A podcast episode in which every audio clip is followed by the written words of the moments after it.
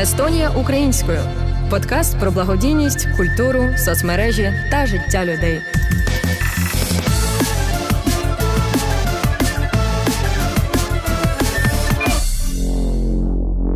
Вітаємо вас, шановні слухачі. Ви на другому сезоні подкасту Делфі Естонія українською. Цей подкаст створений за підтримки фонду інтеграції Естонії. Естонія українською подкаст, куди ми запрошуємо молодих українських діячів, щоб дізнатися про їх бізнес або творчість, обговорити нагальні проблеми та бути в курсі того, що відбувається в українському ком'юніті Естонії. І з вами його ведучі Володимир Семерій та Таїсія Білан. Ми студенти, які опинилися в Естонії від початку повномасштабної війни та долучилися до цього проекту як безпосередній голос молоді. І сьогодні ми поговоримо про бізнес. Тема Вови. Е, наш сьогоднішній гість Нікіта Павлов. Йому 21 рік, і він вже власник компанії NP House з озеленення та загальних будівельних робіт. Він з міста Києва, випускник Тартуського університету за спеціальністю Business Administration. Я теж. Ну, ще не випускник, але вчуся теж. А, Привіт, Нікіто. Привіт, привіт всім. Так, так, А. Одразу давай почнемо. І Тася? Як почав свій підприємницький шлях в Естонії? Чи був в тебе який там стартовий капітал або інші розумні слова? Ем, дякую за питання. Ем, я почав е, свій бізнес, е, свій шлях е, підприємства два роки тому. Ага. Почнемо з, з того, що я працював в компанії, вона називається. Е, я працював там рік та допрацювався до ролі менеджера. І якось 23 лютого я захотів поїхати додому до себе в Київ. Так. А, Вчасно. Але не вийшло. да, вийшло. Вийшло 23 лютого ввечері я вже був вдома, і 24 лютого почалася війна. На той момент я ще не закінчив університет, я ще вчився на третьому курсу, Ага. курсі, і я пробув в Україні 4 місяці. А це було неймовірні місяці. А, так, я багато волонтерів, а, я багато допомагав а, людям з Бучі. Ми живемо там 20 Недалеко кілометрів так. так, недалеко від е, Бучі. А, і коли я повернувся в Естонію через 4 місяці, я повернувся назад до роботи, і я зрозумів, що я не хочу займатися тим, чим я займався до цього. А, Дуже класно бути менеджером в стартапі, коли в тебе зарплата вище середньої в Естонії, у тебе є всі плюси і мінуси, у тебе зал в офісі, у тебе є Ну, можливість. Е, можливість. Можливість е, подорожувати, але я не хотів цього робити, і потім я почав е, запитувати себе, що я дійсно хочу, Угу. і я зрозумів, що я підприємець. Свій бізнес. Так, я підприємець, е, але я не знаю нічого, е, окрім е, того, що е, я робив у дідуся та бабусі на дачі. Я допомагав е, батькам з озелененням. А, ого. Так, і я вирішив е, купити. Мій перший, перший, перша інвестиція була в бізнес це лопата. Скільки коштує? Е, Вона коштувала там 10, 10 євро. Як почати? Ну просто це буде заголовок. Як почати бізнес з 10 євро? З лопати. Так, так, так і є. Так. Е, Перші, перша моя інвестиція була 10 євро в лопату. Я знайшов е, клієнтку, яку, якій треба було викупити туї. Ага. І я їй зателефонував, ми домовилися о зустрічі, і я заробив свої перші 150 євро за день. Так, це були, підняв. Це, це були, це були е, на той момент великі гроші, але коли ти працюєш сам на себе і ти заробляєш таким чином, що е, своїм бізнесом, так, це, це дуже, дуже, дуже класно. Ну, це класне відчуття, я просто Так, думаю, в так, принципі. так, так. Блін. Ем, Ну, це, тобто ти реально обрав е, озелення через те, що ти більше нічого. Що, що я вмів, да. А, я, це- нічого, я, я нічого іншого не вмів. Я, я, я думав, що круто, треба бути стартапером, треба знати IT, треба знати а, коди, так, А, ну, але я не почав, я, я не вибрав цей шлях, я вибрав інший, так, я почав з лопати. Ага. а, Ну і думаєш, правильне рішення? Ну, думаю, да. Наша компанія займається озелененням зараз. У мене працюють около 10 чоловіків. Ага. Плюс це свій бухгалтер, свій маркетолог, свій асистент, який мені допомагає, і так. Круто, круто. Ага. А з якими найбільшими викликами ти стикаєшся, ну, коли ведеш бізнес в Естонії? Тобто, чи були там складнощі з документами на естонській мові, чи легко там пристосуватися до цього? Е, ну, якщо ми розмовляємо про Естонію, це перше, це маркет е, в Естонії. А це дуже маленький Ринок? Ринок, так. Е, в Естонії ми, якщо ми розмовляємо про Талін, це десь е, так, 50 тисяч е, людей, які живуть в частному будинку, будинках. Е, ми працюємо на преміум сегменті. Е, тобто це десь 5-10% від 50 тисяч, і ми хочемо ми хочемо зібрати е, 1% від е, всієї кількості. Тобто, якщо ми зробимо просту математику, це десь 500-600 е, клієнтів ага. за рік. Угу, угу. Це дуже маленький ринок. Ну, хоч Саме. Друге, так? так, Ага. по-друге, це велика конкуренція. Ем, В Італії, в Естонії велика конкуренція. Е, Багато компаній, які хочуть забрати цей ринок. Угу. Тому да, ми питаємося, спробуємо. Пробуємо так, все гаразд. Ми питаємось, пробуємо забрати весь ринок. Я знаю, це неважливо. Все захопити. Все захопити. Ми не можемо цього зробити, але хоча б 5% від цих 50 тисяч. Круто. А як справи зараз йдуть? Йдуть. Дуже добре. Я перед інтерв'ю думаю, дай-ка я подивлюся, яка в нас виручка. Угу. Так, так, виручка. виручка. Виручка в за цей рік. Ага. А, Ми зробили X3. Воу. Я Від Є. чого? Від чого? А, від прошлого року. А від Але чого? прошлого року, в прошлому році ми почали свій бізнес в августі. А, в там, в серпні, в В серпні. серпні. В серпні. Так, і наша в цьому році наша виручка більше 300 тисяч євро. Охо-хо-хо. Це дуже, це дуже, це дуже великий результат для нашої молодої фірми. Тоді Ну, Слухай, а, а скільки ти витягуєш з цих, з цих е, 300 тисяч так. для це, себе? це дуже добре питання. Ага. А, ну, маржинальність в цьому бізнесі десь 15-20%. Ага.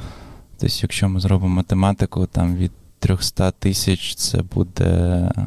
Скільки? ж? Підприємницький 60, мозок. 60, Ну, 60 тисяч? У мене тут калькулятор поряд.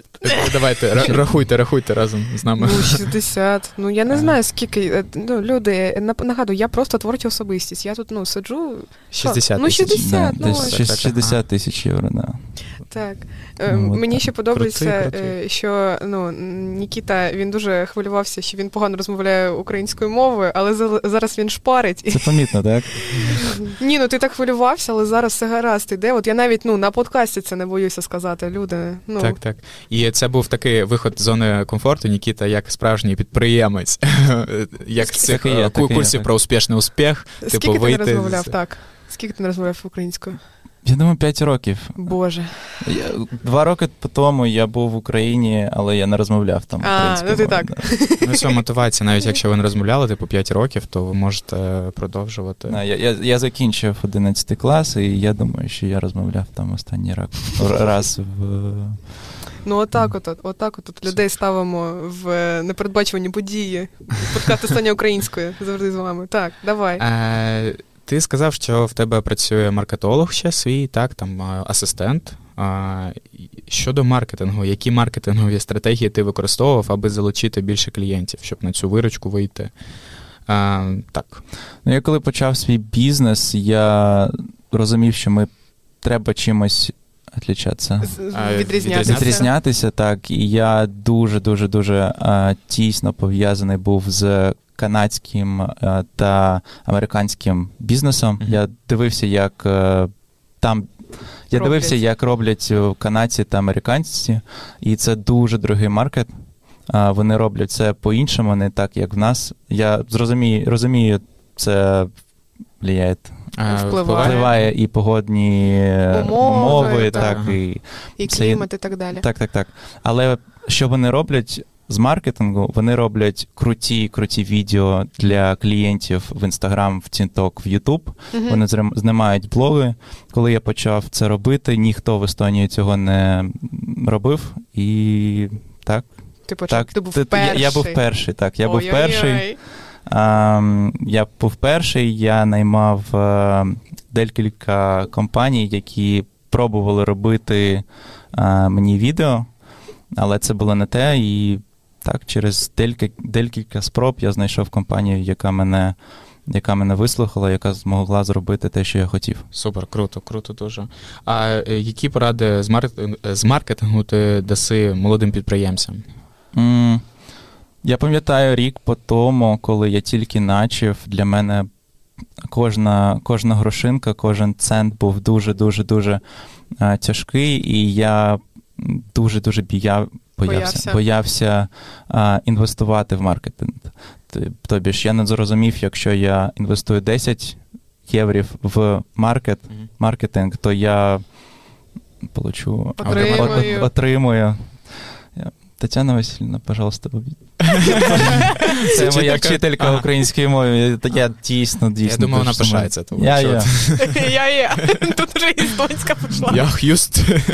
А моя жін... жінка. Жінка. Жінка. Ну, або О, дружина, дружина, дружина, вона розмовляє на англійській мові, тому я. А реально, вона естонка? Да, вона естонка. Ух ти. А А. як ви взагалі спів... Так, а ну переходимо на на англійській мові. Е, Нормально, взагалі ви там спілкуєтеся, все Да, окей. Розумієте один одного, навіть одружитися не Да, тому в мене я, я помічаю за собою, що я переключаюся на, на англійську мову. так. А, о боже. Ну, є таке трохи.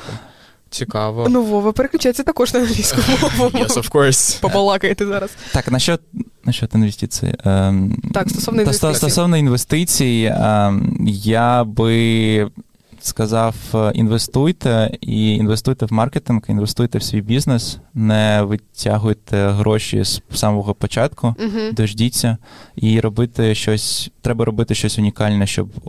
Запам'ятовуватися. Запам'ятовуватися так, і от І відрізнятися. відрізнятися від інших. Багато тобі грошей саме ролики принесли. Як ти вважаєш? Хто приніс? Ролики. Ролики, ролики, відео. Ем, ну, поки вони не відбилися, Ага, ага. а, я інвестував свій тільки на а, тільки компанії, які зробили мені відео. Я десь інвестував около Близько. близько 4, 4 тисячі євро. Oh, really, хотів сказати. Вау. Да, це дуже дуже дуже професіональна компанія. Ага. Вони приїжджали. Ем, у мене є об'єкт, який ми робимо там місяць-півтора. Мгм. І вони за ці місяць-півтора приїжджають там 5-6 разів, знімаються з дронів, з дронів. е, Вони мають там 3-4 камери професіональні, вони все монтують. Ого. І- Блін. Ну, типу, це звучить як зйомки фільму. Якісь це за- дрони, За один ролик ти що заплатив? Чи Ні, скільки- ні, скільки це десь у мене було 5-6 об'єктів. А, А, ага. Так, за 5-6 А, об'єктів. це великі якісь ролики, чи просто шорти такі? А, Це шорти. а, В середньому це виходить 3-4 шорти за один об'єкт. Ага, ага. Ем, Плюс вони знімають мені великий промо-ролик е, на там на дві хвилини, Мгм. Який я виставляю в YouTube, щоб е, люди дивилися. Ну, ми могли тебе знайти. Ну, Окей. типу, там щось так. Нормально, нормально виходить. Ну, щось вони, вони а я, я дійсно думаю і вірю, що вони, вони від, Відб'ються. відб'ються так через не, декілька років, але ем, я вже починаю розуміти, що один Reels, Reels приносить мені там 10-20 клі- клієнтів, Ого. а 10-20 клієнтів ви розумієте, що це багато Для тої ніші саме Да, це да, да. багато. Ну, а який середній чек, до речі?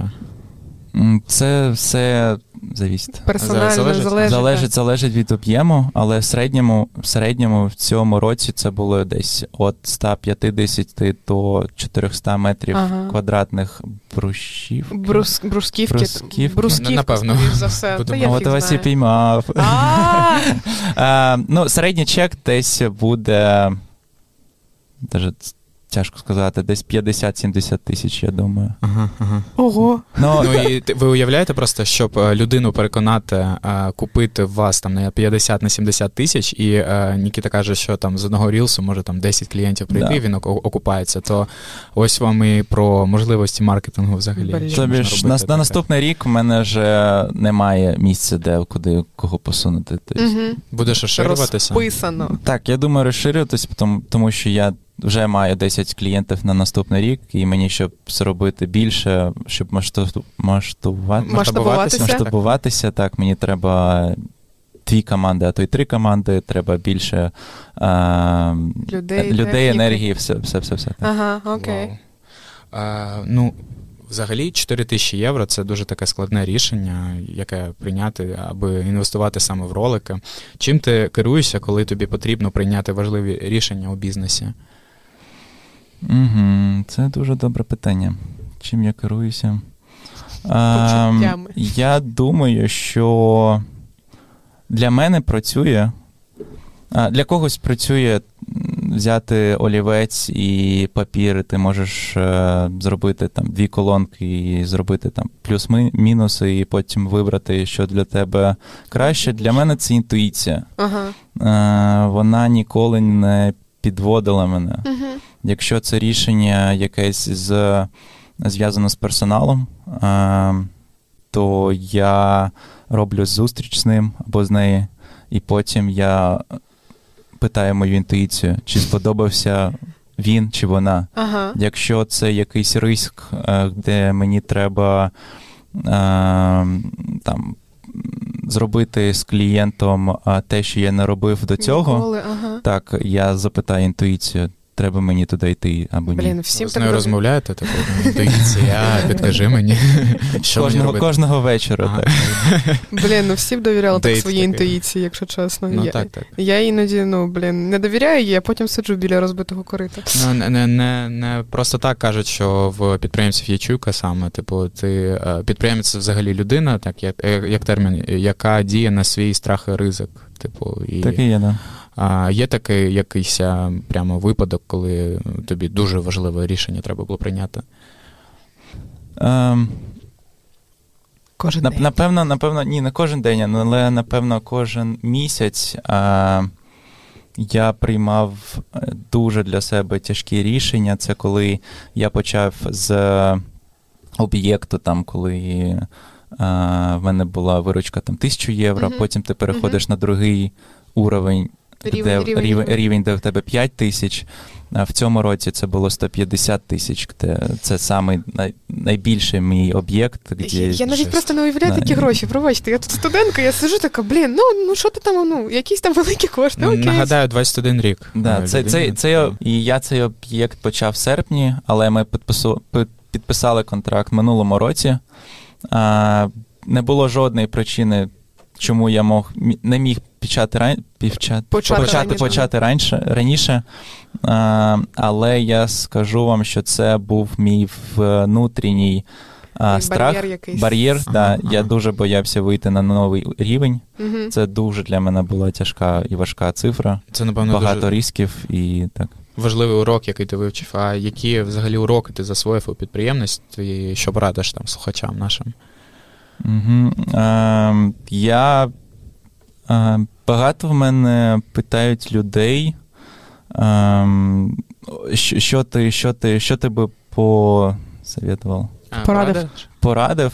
Е, я думаю, що якби я був 18-17 років, я б сказав, що я не хочу бути читачем, я хочу бути Автор? писателем, автором. Да. Ого. І я почав свій бізнес багато-багато раніше. Угу, угу. 18 почав би? В 13. Нашого, нашого В 9. А як, як тобі просто вираз про те, що треба свій е, возраст прожити, свій вік? Або там пропрацювати спочатку на дядю, типу набратися Так, бо буде ще питання про це. Так, так, Так. так. Ну, насчет дяді, е, кожному своє. Угу. Я працював і на дядю, і на тьотю. тьотю.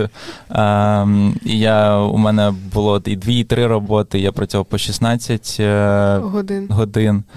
Е, у, каж... у кожного чоловіка свій шлях, Ага. і я думаю, що не всі мають бути підприємцями. Мгм. Не всі це багатий риск. Я, я вважав, що всі можуть бути підприємці, але коли я почав свій підприємський шлях, це, це дуже-дуже тяжко. Мгм. Ну, якщо я правильно розумію, то, типу, е, уся порада в тому, що якби ти ну, радив самому собі, то починати як можна раніше. Так. Боже. Е, Починати з чого? Що саме робити? Просто, Просто береш, робити. е, Просто робити. Просто хоча б думати про, про те, що, що я вмію. Я Якщо, якщо не можеш біжати, іди, якщо не можеш іти, лежи. Хоча б Повзи, повзи. повзи, повзи. Є, є книжка м, Оскара Гартмана, е, яка в мене дуже вразила. Е, вона називається Просто діло, діло просто. Угу. І смисл е, в книжці був, що ти просто почни робити щось. Угу. Якщо не знаєш, що робити, займись собою. Займись собою, піди в зал, Ага. піди, почитай книгу, піди. Е, візьми якісь курси. Тобто в, тому і є інтуїція, так? Що ти просто починаєш, і вона тебе веде кудись. і Інтуїція, ти так, інтуїція. Це, інтуїція. І ти приходиш, куди тобі треба, так? в Так. кінці. Угу.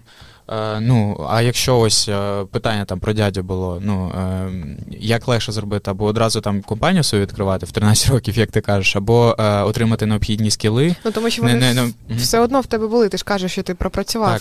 Так. Не всім же там треба обов'язково озелененням, наприклад. В тебе були вже якісь скіли з озеленення, і потім вже ти почав Да, і- свій бізнес робити. Я працював в ролі менеджера, я робив і в Свапі, і в естонській компанії Bolt, і в мене були менеджерські позиції. Е, Я дуже багато skill ів відтуда Виніс. виніс так.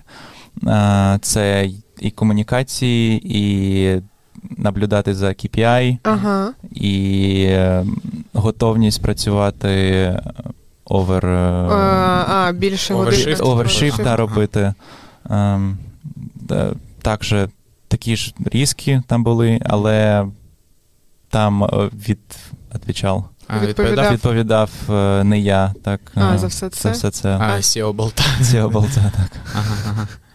Ну, окей. А тоді скільки, ну, от у нас було питання, там, точніше, я почала розгоняти про те, що працювати більше, аніж е, зазначена кількість часів, то от скільки зараз ти часу приділяєш своїй роботі? І ну, як ти все встигаєш, тому що ну, баланс work and life дуже важливий в цьому світі.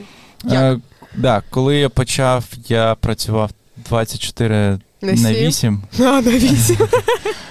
25 на 8, але зараз е, те, що я роблю, я не вважаю роботою, тому я дуже люблю казати, що я працюю там 3-4 часа в неділю. А, Ага, то, типу, а потім зізвонююся просто. Ну, е, ми, ми трохи розмовляли з Нікітою до подкасту, і просто я питаю, е, скільки ти працюєш. Він каже: ну, 3-4 години на тиждень. Я такий, реально, і типу, ти так багато заробляєш.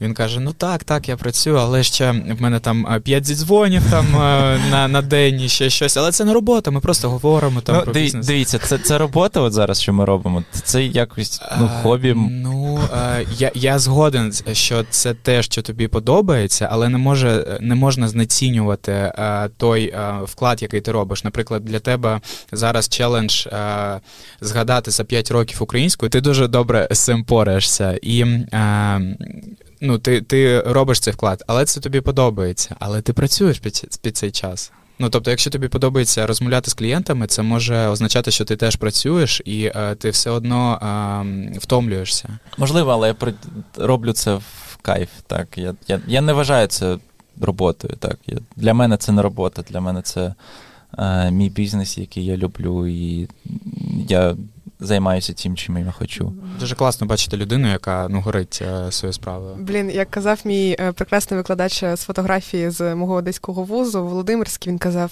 я один раз спробував фотографію, влаштувався фотографом і більше жодного дня не працював, тому що він дуже любить Ну, так свою є, так професію. є. Е, ну і ця людина просто каже: я про Нікіту зараз, що треба було почати там з 13 років. Типу, вже виручка яка. Ну, молодець, дуже класно. Блін. А які цілі ставиш перед собою на майбутнє? Кажи чесно. Ем, чесно, е, ну, перші цілі, які я ставлю зараз, я хочу вести лічний бренд, розвивати. Ага. Особистий бренд це Особистий бренд, то мені напевно, інстаграм мене появився рік тому, по тому, і він появився. Інстаграм це був в компанії. Угу. У мене немає особистого інстаграму ще поки Мгм. що. А, Я хочу подивитися, як ми зараз запишемо цей підкаст. Ага. І якщо все мені сподобається, і можливо, можливо, в Естонії у нас появиться. З'явиться. З'явиться ще, ще один конкурент. Реально? Так, Як- так, так. А, типу. Я, я, я буду робити підкасти, так. А, дуже хочу. Ай-яй-яй-яй. Та Але ми прийдемо. си- си- сильно. Дуже. так, я хочу. Я вже вибрав студію, яку я хочу, де я хочу е, записувати. Англійською, так? М, Я ще не рішив. Я Ага. думаю, це робити або на російській мові, або на англійській мові. Англійською. Ага. Е, але моя ціль е, це відповідаю на ваше питання. Ага. Я хочу. е, Я хочу прожити як більше, як можна більше щасливих днів. Моментів. Ага. Моменти так, але днів. Днів краще. Ну, так, це правда. днів краще, так, і я к цьому стрим. І ти до цього прямуєш, так, я зрозуміла. тебе. А щодо бізнесу саме, які цілі? Як плануєш їх досягнути? Я дуже хочу масштабуватися. Ну так, більше штату ти казав. Так, більше штату. І ми хочемо бути номер один в Естонії. Ой-ой-ой. Так. Ну, заявочка на перемогу, ребята. Сильно, сильно. Насправді, так ну бачити людину, яка дійсно горить своєю справою і цілеспробовано рухається, дуже приємно. Е, бо е, коли ми почали, ти ну трохи був, я не знаю, такий ось цей челендж для мене. І зараз я просто розумію, що ну кожен твій день це який челендж, що ти реально просто йдеш. Так є, да. Я, я пам'ятаю свою першу зустріч з клієнтом. Це були, напевно, такі ж самі відчуття, як зараз. Це ти про тую кажеш, так? Цією? Чи- Напевно, всі були клієнти е, від тої жінки, яка була там з лопатою, так, історія. Ага. І, напевно, це там 3-4 місяці. Кожен день, коли я зустрічався з клієнтами, все були неймовірні, тому що мандраж. е, Кожен день як новий просто, Так, так? то кожен клієнт. день як новий, так. Ага. А, ну, а як плануєш цього досягнути всього, що ти поставив? Ти собі прямо пишеш реально, в мене там ціль така-така, е, і план такий-такий. Чи ти не ставиш це просто за інтуїцією, як ти казав, і йдеш? Е, Ну, ми зараз, зараз робимо з моїм асистентом те, що ми хочемо поставити на рік, на 3, на 5. Що хочемо добитися, ми над цьому працюємо. Але цілі, цілі на, там, на виручку немає. Угу. Знаю одне, що хочемо в наступному році зробити X2, може X3, якщо вийде. А там ми подивимося, може ми підемо і в е, весь, весь Балтійський ринок. Ого. Друзі, ну спостерігаємо. Спостерігаємо. Ну Дуже блін, цікавий ну кейс. що то я ну я просто тут сиджу, просто офігіваю. Ну такі в людей цілі великі. Ну і, і я розумію, що вони типу ре- реалізуємі. Це не те, що ти щось там балаболиш, а ти реально ж ну ти ж реально Ти зробив е, екстри. Зробиш, так, так, так. Ну, це капець. Тож, дякуємо, Нікіта. Ну, наш подкаст Естонія українською добігає кінцю. З вами був наш гість Нікіта Павлов. Дякуємо. Дякуємо вам. І ваші Володимир та Таїсія. Цю та інші передачі було створено за підтримки фонду інтеграції Естонії. Естонія українською.